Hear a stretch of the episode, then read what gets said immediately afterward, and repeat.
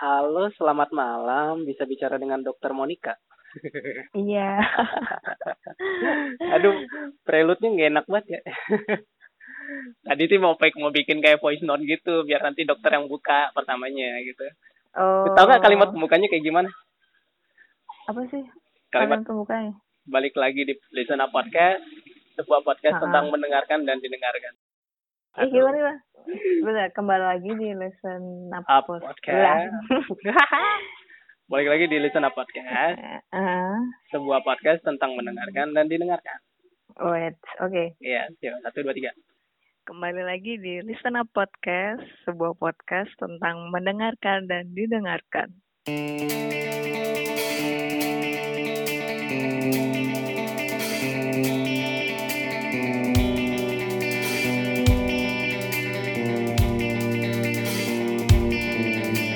Eh, jadi gini cak, Eh, kita bagi jadi tiga segmen. Jadi ada 15 menit pertama ntar paling perkenalan, yang kedua kita Lama bahas bener.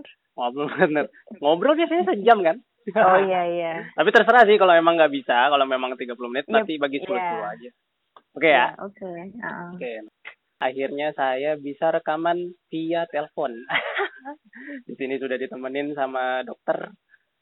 Ya bisa dibilang gimana ya? Sama-sama sama-sama menempuh S2 ya udah dokter apa belum sih?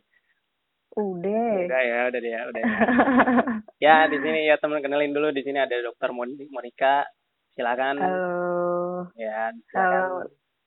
Halo followers dan listeners-nya Zulfian Rahman. Oke, ya malu banget deh, nggak enak banget. ya dok, lanjut dok. Apa nih perkenalan dulu? Ya, perkenalan dulu dong. Oh ya. Eh nama apa nih pakai saya gue ku Saya boleh, aku Oh. boleh. Eh, kalau mau Jawa dikit ya aku. Oh. pakai bahasa kama dong. Iya, namaku Windy Monica.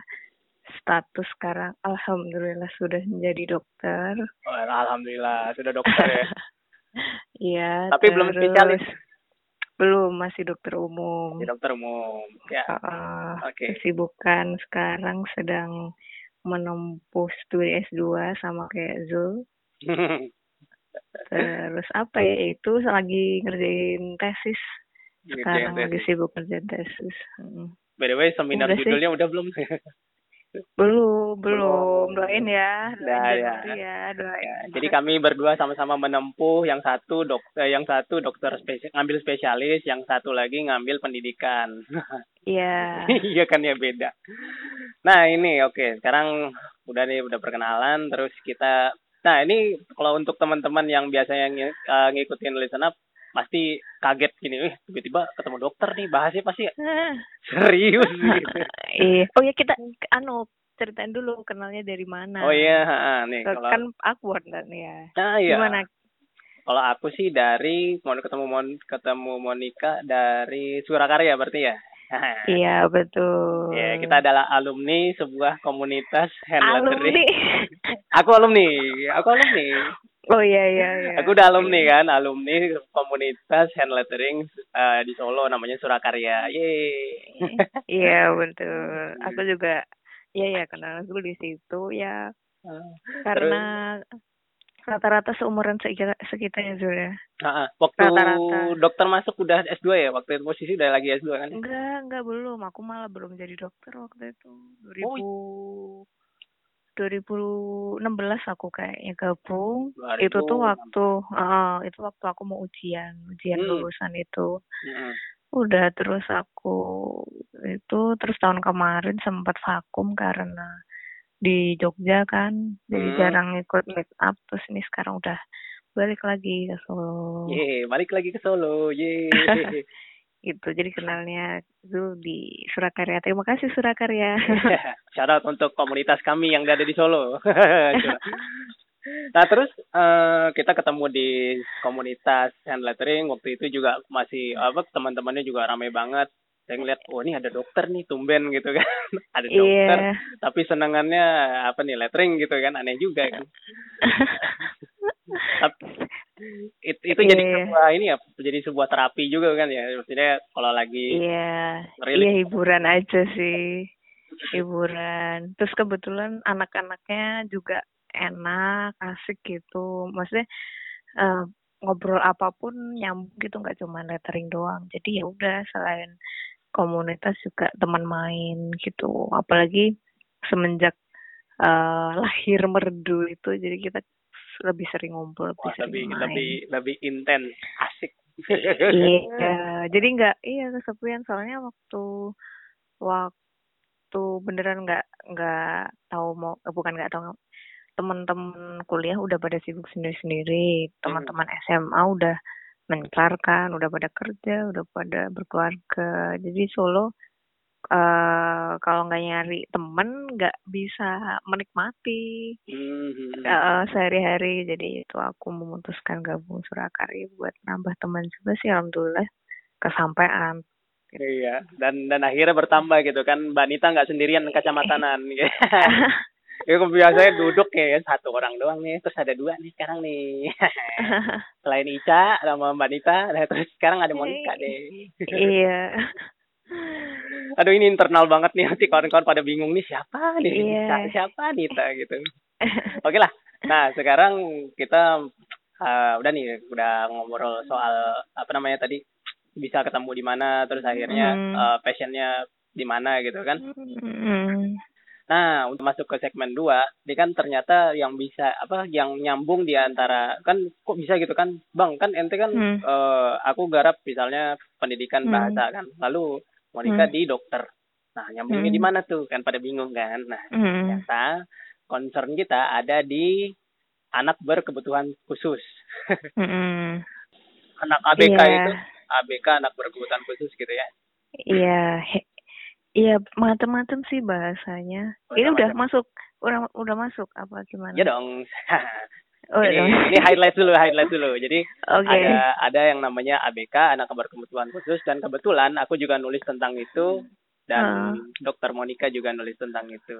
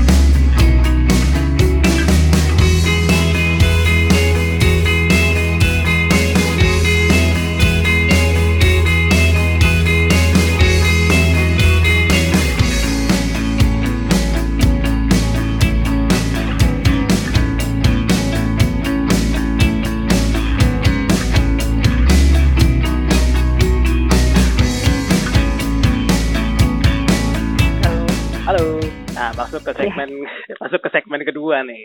Oke. Okay. Uh -uh. Nah sekarang anak berkebutuhan khusus. Nah teman-teman pada nanya kan ini maksudnya apa nih anak berkebutuhan khusus gitu kan? Nah uh. kalau pengertian anunya apa sih dok? Kalau pengertian umumnya anak berkebutuhan khusus itu apa? Uh, kalau secara epistemologi Allah apa sih pokoknya secara bahasa aku sebenarnya kurang kurang paham ya mungkin yang dimaksud tuh uh, anak-anak yang punya keterbatasan gitu ya iya iya uh, hmm. Kema kemarin kebetulan nih aku juga mau sharing uh, aku ikut urban social forum itu jadi dia tentang sebenarnya dia bahas okay. tentang hmm. uh, apa kota ya kayak tata kota terus isinya seperti apa kebijakan-kebijakan hmm. ancaman-ancaman gitu. Nah salah satunya itu kota ramah uh, penyandang disabilitas itu sebutannya hmm. mungkin disabilitas ya yeah. atau uh, kalau bahasa Inggrisnya itu handicap ada Oh, dis, ya di disabilitas atau handicap jadi handicap, ada keterbatasan. Iya, iya, iya, sip, sip. Iya, nah uh, kebetulan banget dulu kemarin itu di kota kita itu apa di apa urban social forum Yo. yang mungkin nah itu terus wah oh ya kenapa enggak aku semacam refresh apa yang udah aku dapat itu hmm. dengan dengan apa riset kecil-kecilan lah biasa apa sih jurnal perisi apa jurnal kedokteran di apa?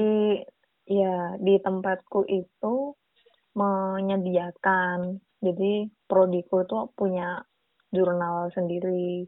Oh. Jadi kita oh. boleh submit di situ. Oh. Hmm. Kalau punya aku, aku kalau punya aku harus masuk ke proceeding ini karena kan bahasa Inggris ya harus cari yang hmm. internasional gitu. Aduh gila capek banget nyarinya. Iya. Ribet hmm. gitu maksudnya peraturannya, iya. ngirimnya, wah ribet banget. Iya. Plus ada banget. harus ada uang untuk masuk jurnal itu dulu, ada uangnya. Ayo. Betul betul. Emang betul. itu sebenarnya oh, gitu. uh, apa mereka nggak ya itu mereka butuh duit sih sebenarnya. Tempatku juga peraturan baru setiap hmm. S2. Dan itu tuh jadi dilematis karena waktu pas nulis proceeding ini, aku ingat kan, aku juga pengen masukin ke jurnal medikasi yang apa yang kedokteran. Soalnya hmm. nyambung, nyambung banget gitu. Karena kan kedokteran meneliti tentang hmm. si anaknya, maksudnya ke behavior anaknya.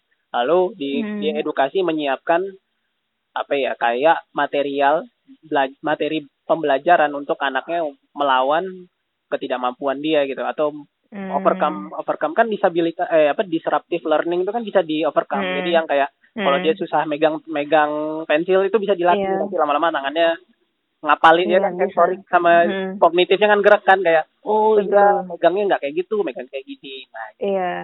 nah aku lagi bikin hmm. oh, itunya lagi bikin prototipnya gimana nih halaman uh, bukunya mau dari mulai dari mana gitu tapi yang jelas fokusnya ada di tadi apa untuk overcome kamu tidak mampu uh, mampu menulis sama ya. Menulis gitu.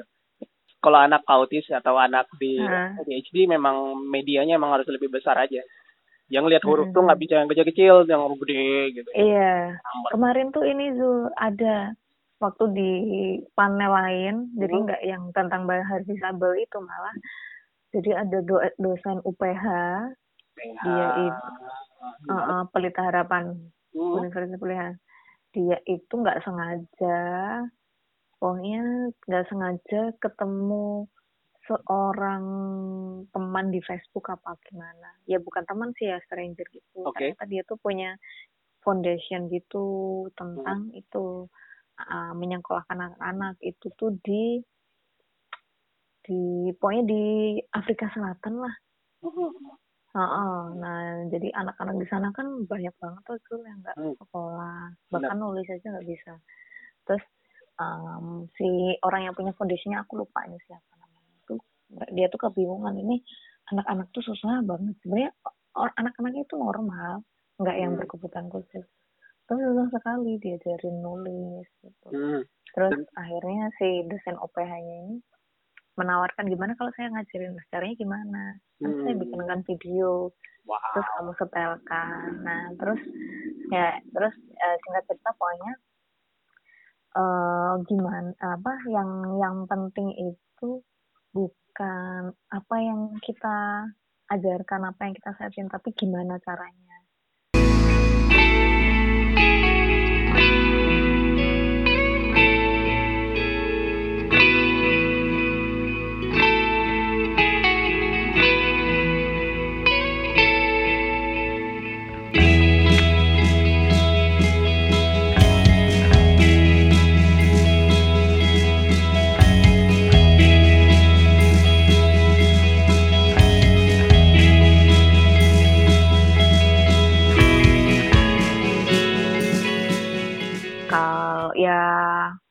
uh, sub apa kalau secara undang-undang itu ternyata ada undang-undang yang yang membahas itu jadi uh, apa orang-orang termasuk anak-anak ya dengan uh, keterbatasan atau disabilitas penyandang disabilitas tuh ada beberapa ada empat jenis kayaknya hmm. ya itu ada yang keterbatasan fisik dari hmm. fisik ya berarti tentang fisiknya ada kekurangan, yep. terma uh, terus intelektual hmm. itu seperti kalau anak-anak ada yang namanya Bell's palsy, hmm. autism. Autism, nah itu dia. Ya. Autism. Terus ada apa lagi? Ya apa? Ya itu cerebral palsy, autism paling dua itu ya yang sering oh, iya, kita gitu. temuin. Hmm. Jadi kemarin waktu hmm. pas uh, eh bentar bentar ada, uh, ya? ada dua lagi ada yang ada ada keterbatasan mental juga. Uh. Jadi beda ya kalau keterbatasan mental itu yang seperti IQ-nya IQ rendah itulah apa sih? Hmm. Ya orang dengan IQ rendah. Terus yeah. yang terakhir sen, apa yang sensori gitu kayak tunanetra dan lain-lain. Oh gitu. itu sensorik ya? Oh iya. Ya. ya. Nah bicara soal apa namanya tadi kota ramah anak penyandang disabilitas. Itu hmm. waktu kemarin itu banyak bicara soal ini ya regulasi ya. Apakah lebih banyak regulasinya atau mungkin peraturannya? Apa? Uh, ad, ada yang bahas regulasinya ada yang um, apa seperti ini loh apa public space atau ruang-ruang uh, eh bukan ya ya seperti apa sih bukan ruang namanya Hmm, apa sih fasilitas? Nah, fasilitas, fasilitas resources untuk uh, si penyandang ini seperti contohnya kalau di jalan nemuin ram apa garis warna kuning. Ya. Nah, uh. itu kan dia memang untuk penyandang disabilitas, entah itu pakai kursi roda atau yang tunanetra yang pakai tongkat. Oh iya. Nah, ya. oh, nah contohnya seperti itu. Kalau masalah regulasi aku kurang tahu kurang tahu ya gitu. tapi lebih ke respon bagaimana memberikan ha -ha.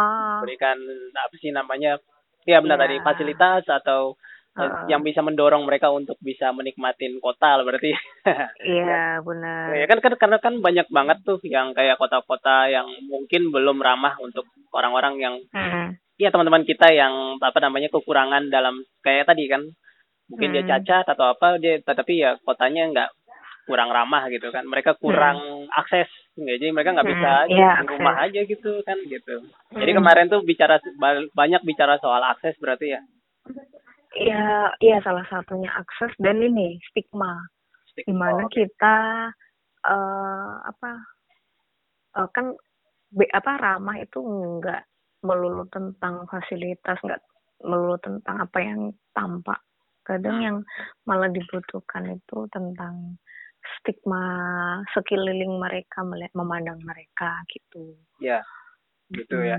Dan dan aku kemarin sempat kan kita habis nentuin tema wah iya ini menarik gitu kan kebetulan aku juga habis dapat materinya. Nah. Terus aku baca-baca ternyata kota tempatku tinggal dan kemarin aku sempat kerja di Jogja juga. Hmm. Itu salah satu penggiat itu kota yang ramah uh, difabel. Nah, ini ternyata banyak banget tadi kayak sebutan tuna, hmm. cacat. Jadi cacat. kalau berdasarkan tingkatannya itu yep. uh, beda-beda. Oh. Yang pertama itu kayak okay. Cacat, cacat, tuna itu ya sama-sama lah. Itu tuh lebih kayak ke uh, ada kekurangan gitu. Oke. Okay. Jadi kan ada kekurangan tuna kan tidak tuna hmm. terus catat itu apalagi kan ada kekurangan nah itu uh, pernah dengar kan kata difabel iya difabel nah iya. itu beda ternyata itu istilah baru yang memang di oh. dimunculkan okay. uh, uh, dulu tuh aduh aku lupa itu mungkin kalian bisa cari itu dari Jogja dan Solo juga ya oh, iya, penggiat, iya. penggiat orang yang peduli sama orang-orang berkebutuhan khusus ini yeah. difabel itu punya makna kalau uh, ini jadi kita bisa apa memandang seseorang itu sebagai orang yang unik hmm terlepas dari mereka punya perbedaan. Jadi kita nggak menganggap itu keterbatasan karena kan yeah. bukan yeah.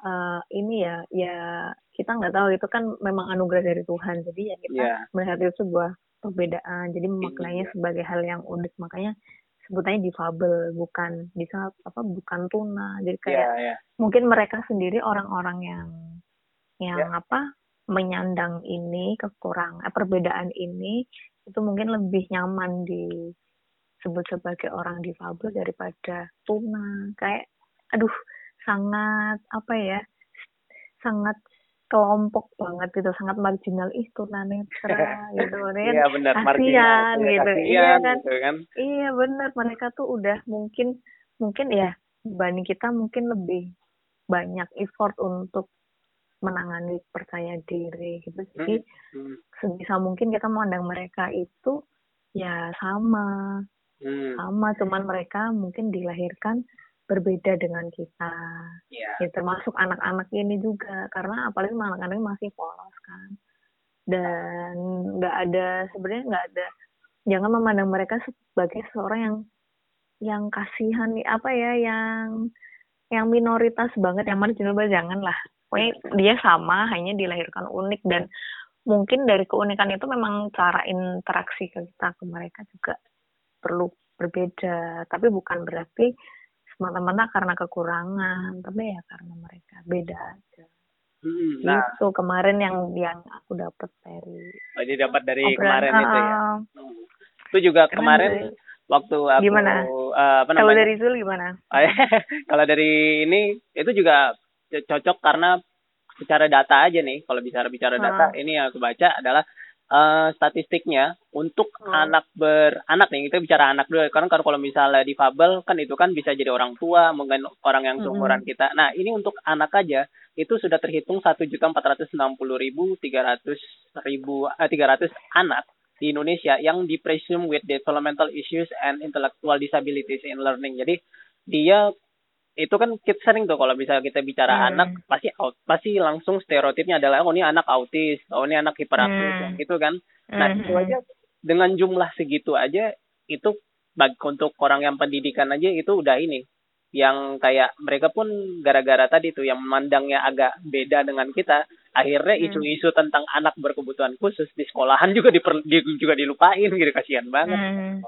mereka yang kesusahan nulis lah mereka yang kesusahan hmm. mencerna apa yang guru ajarin hmm. itu itu juga yang kayak guru aja kayak nggak ber, berani gitu yang kayak ah udahlah nggak usah lah gitu cari orang lain apa kayak gitu hmm. nah, gitu loh makanya isu inklusif sekolah inklusif kan ada tuh sekolah inklusif oh iya yeah. untuk anak-anak hmm. disabilitas atau sekolah untuk anak-anak autis atau sekolah special school itu jadi isu yang selalu muncul. Tapi itu orang tuh kayak si orang-orang pendidikan tuh kayak ah nggak usah lah nggak usah bahas itulah cari Belah mata gitu ya iya cari bahasan nah. lain aja padahal penggiat yang karena sosial skeptis ya iya karena hmm. skeptis padahal penggiat sosialnya aja tuh yang kayak di Jawa apa di kota Solo dan Jogja hmm. itu udah luar biasa gitu kan udah yang ayolah kita hmm. berusaha memandang mereka secara apa equal gitu sama terus iya yeah, betul kan, sama-sama kita cuman dia spesial aja.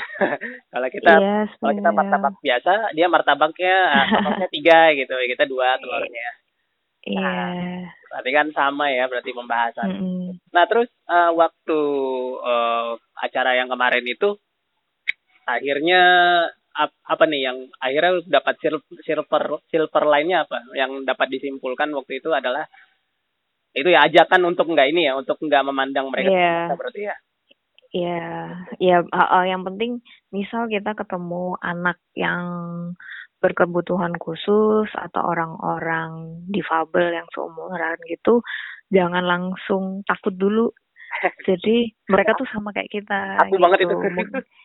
iya, pasti tapi emang itu refleks gitu loh karena kita mungkin bingung kali ya, iya, nggak iya, tahu. Bingung tapi ya udah slow aja. Mereka tuh manusia sama kok kayak kita hmm, gitu. hmm, hmm. dan ya udah hak hak kita sama. Bahkan mereka sampai di ada uh, per, perpu sendiri kan yang membahas tentang itu. Kalau udah ada perpu ya, ya? Iya uh, ya, ya kok ada kayak kalau nggak salah Ya, UU, UU nomor 8 tahun 2016 anjir. Aku oh, ya nyatet ini. Oke, okay, Iya, kalau kalau teman-teman penasaran nih ya hmm. kalau menilai apakah obrolanku dan Zul ini hanya bullshit belaka ya. Coba cek cek undang-undang undang-undang nomor 8 tahun 2016. Nah, itu tuh Aduh. udah ada di situ lengkap kalau memang sampai dibikin undang-undang seperti itu karena ya uh, mau menciptakan lingkungan ini masyarakat inklusif sama uh, para difabel ini, wow, para anak-anak. Iya, dan yeah. tadi ada sekolah inklusif. Nah, kemarin kita bahasnya itu yang kota inklusi. Yeah. Kota inklusif tentang apa terhadap mereka. Dan itu wah, aku aku selama sama kuliah itu nggak ada bahasan seperti ini dan menurutku itu penting. Mm -hmm. uh, entah itu aku apakah aku sebagai uh, apa petugas kesehatan atau bahkan orang biasa pun ya harus harus belajar lah untuk membuka lebar wawasan terus berusaha untuk tidak memberikan stigma pada mereka karena ya kalau nggak dari kita sendiri siapa lagi iya yeah. Iya, itu sih. Oke. Okay. Nah, kan udah panjang lebar nih tentang apa namanya tentang kita hmm. udah bahas tadi uh, uh, difabel bedanya dan apa dengan di, apa disabel gitu kenapa orang pakai yeah. pakai difabel istilah difabel kemudian uh. Uh, apa namanya stigma tentang orang yang uh, tuna dan cacat itu bedanya di mana hmm. ya kan wih gila banyak hmm. banget oke okay. hmm. ya okay. kita akan bahas tentang kita akan lanjut bahas tentang anak pertemuan khusus dan orang-orang apa yang harus kita lakukan jika kita ketemu orang-orang yang seperti itu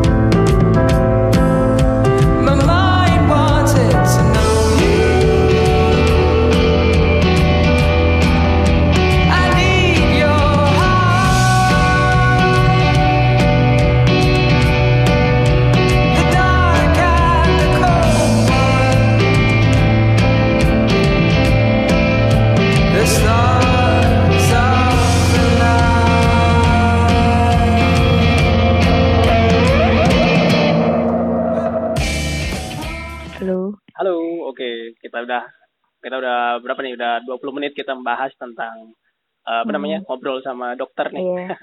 Iya. eh, 30 menit ya ininya ternyata udah 30 menit. Iya, ternyata sampai iya. kan, bener kan 30 menit kan? Bisa panjang lagi, tenang aja ya. Nah ini yang ketiga nih, segmen tiga kita akan bahas ke ini tips aja nih, tips kan biasanya kan kalau teman-teman normally ketika oh, ketemu yeah. sama orang-orang yang kayak gini kan pasti agak gimana ya? Oh agak kagok yeah. ya, agak canggung, bingung, canggung, canggung yeah, gimana ya? Ya gitulah pokoknya uh. itu aneh-aneh gitu kan. Nah, terus uh, tips kalau pertama kali kalau kita uh, first contact kan pasti gimana tuh? Uh, apa namanya? Ya udah say say hi aja. Kemarin iya, itu. gimana?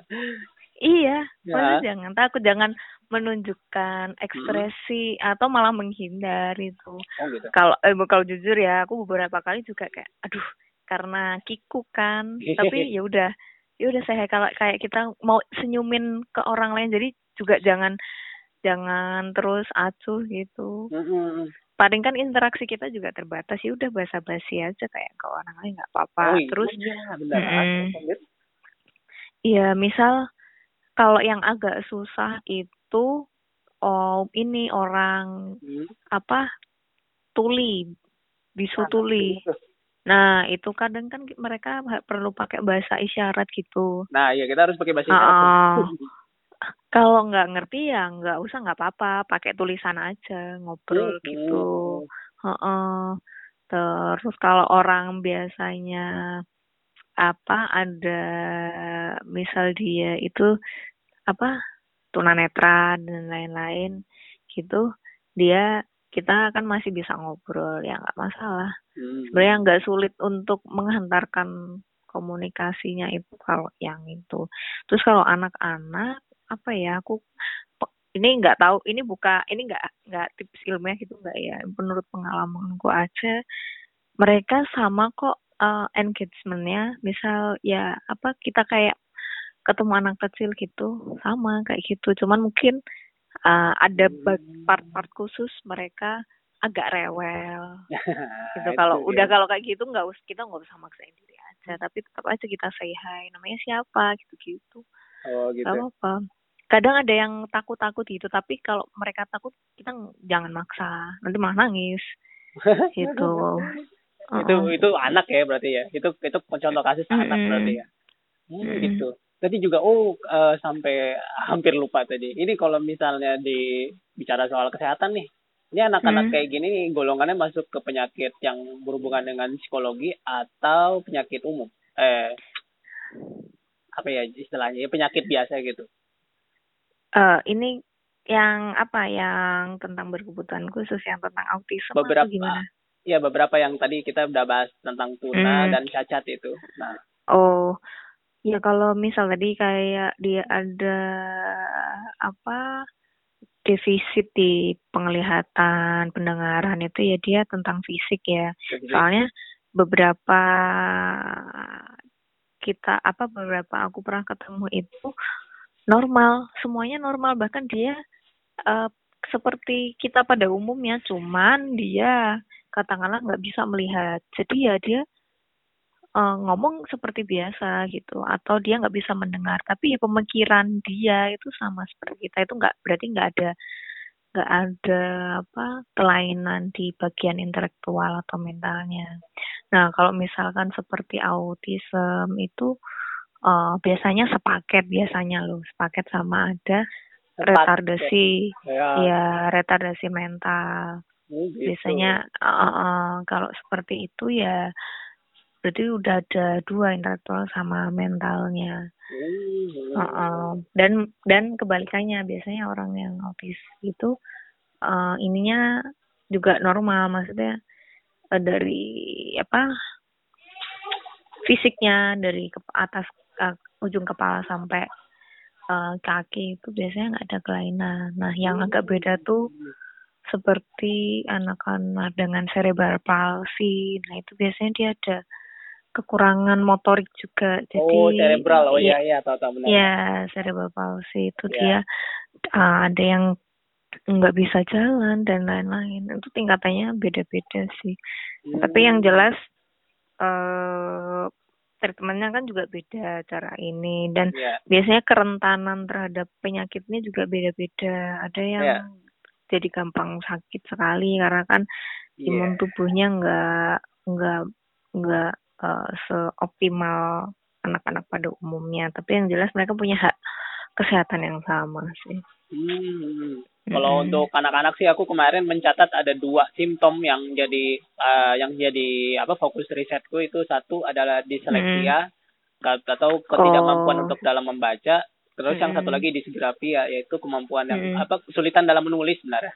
Itu masuknya hmm. ke disruption di sini. Jadi dia kayak megang megang pulpen tuh yang eh megang pensil tuh yang tangannya genggam gitu atau hmm. yang kan kalau kita kalau kita megang pensil normal kan kita pakai ibu jari dan telunjuk ya kan nah hmm. nanti kalau dia megang nih semua tangan apa semua jari atau hmm. apa ya ada yang hmm. megang kayak megang kayu gitu kan apa megang hmm. chopstick kan aneh pokoknya nah itu itu hmm. dua sih itu ternyata pas di aku baca kemarin uh panjang hmm. juga ya kalau bicara soal disabilitas difabilitas hmm. dan hmm.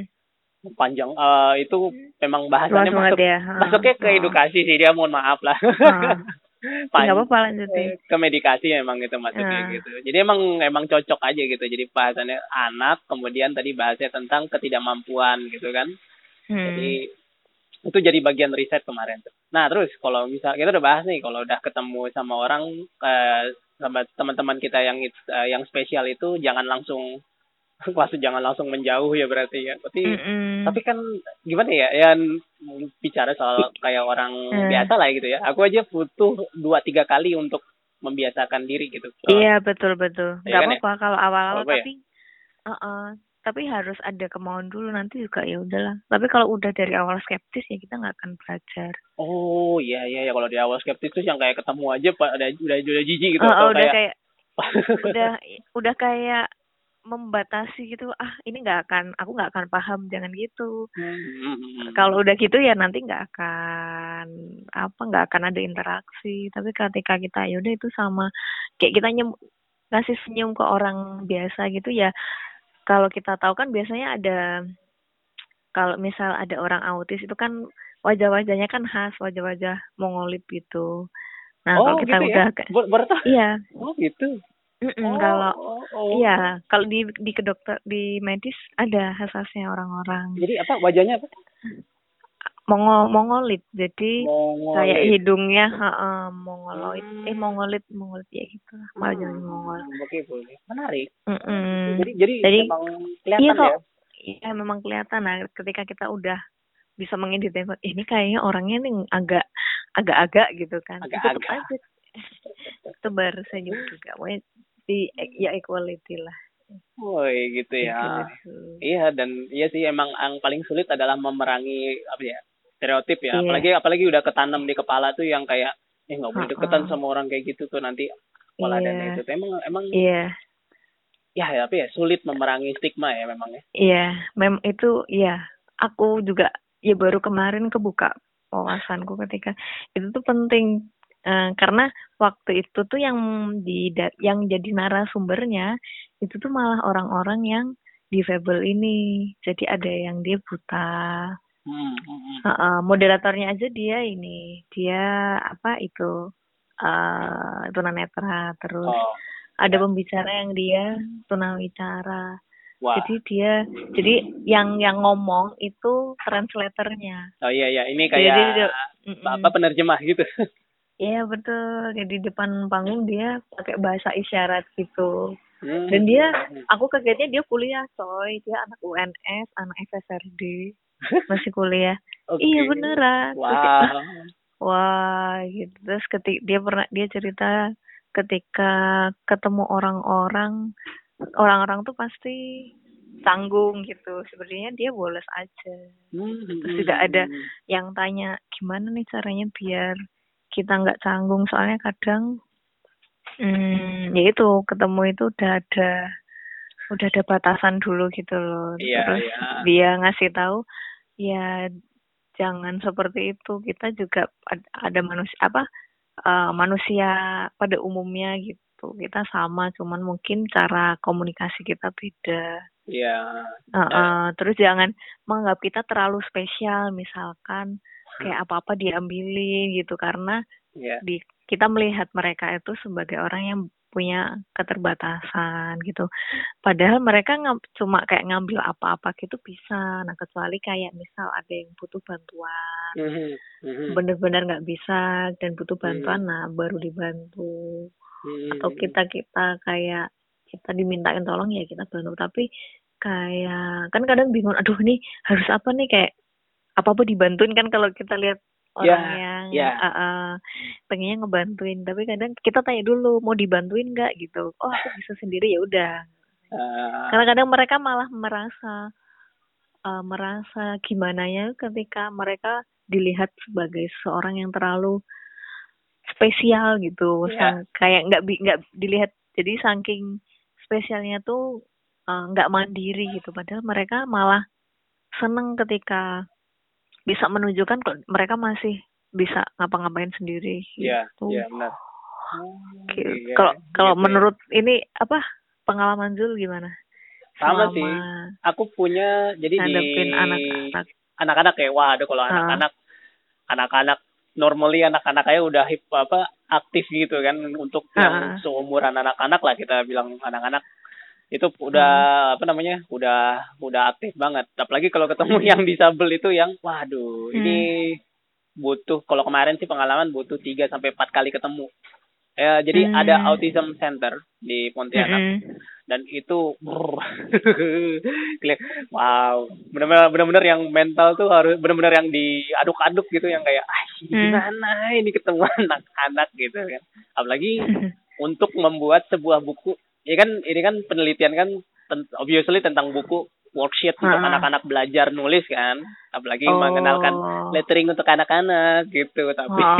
tapi tetap aja anak-anak yang ya ke sana ke sana kemari gitu yeah. yang wow dan dan memang yeah. dan memang orang yang di autism center bilang memang uh, harus apa ya pembiasaan gitu jadi nggak bisa yang hal pertama datang langsung penelitian bla bla bla bla hmm. selesai bread pulang gitu nggak bisa jadi emang harus ada treatment treat uh, beberapa kali ketemu dia juga harus di treatment baik-baik dia harus kenal muka kita jangan sampai dia yang nganggap kita itu adalah apa ya threat gitu yang terus yang kita jadi kayak bikin dia merasa insecure gitu ya pelan-pelan rupanya gitu apalagi anak-anak tapi yang emang lucu sih waktu itu punya pengalaman ada jemaah masjid nih jadi kan sering sholat kan di dekat rumah. Hmm.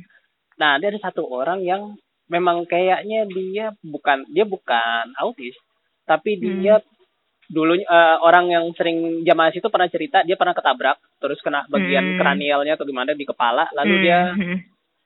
eh, gimana sih gegar otak gitu ya berarti ya yang kemudian Iya, beberapa mungkin. ingatan dan beberapa geraknya tuh agak aneh gitu nah itu jadi yang aku pertama ngira wah ini orang autis nih gitu kan Hmm. tapi kalau dilihat wajah-wajahnya wajah biasa gitu kayak wajah bapak Iya. gitu kan ternyata Ah, dia bukan autis tapi dia terkena eh cacatnya cacat itu cacat cacat apa Oh, karena kecelakaan itu. Ah, ya. karena- ada kan ya yang cacat karena kecelakaan ya dok ya? ada, ada, ada.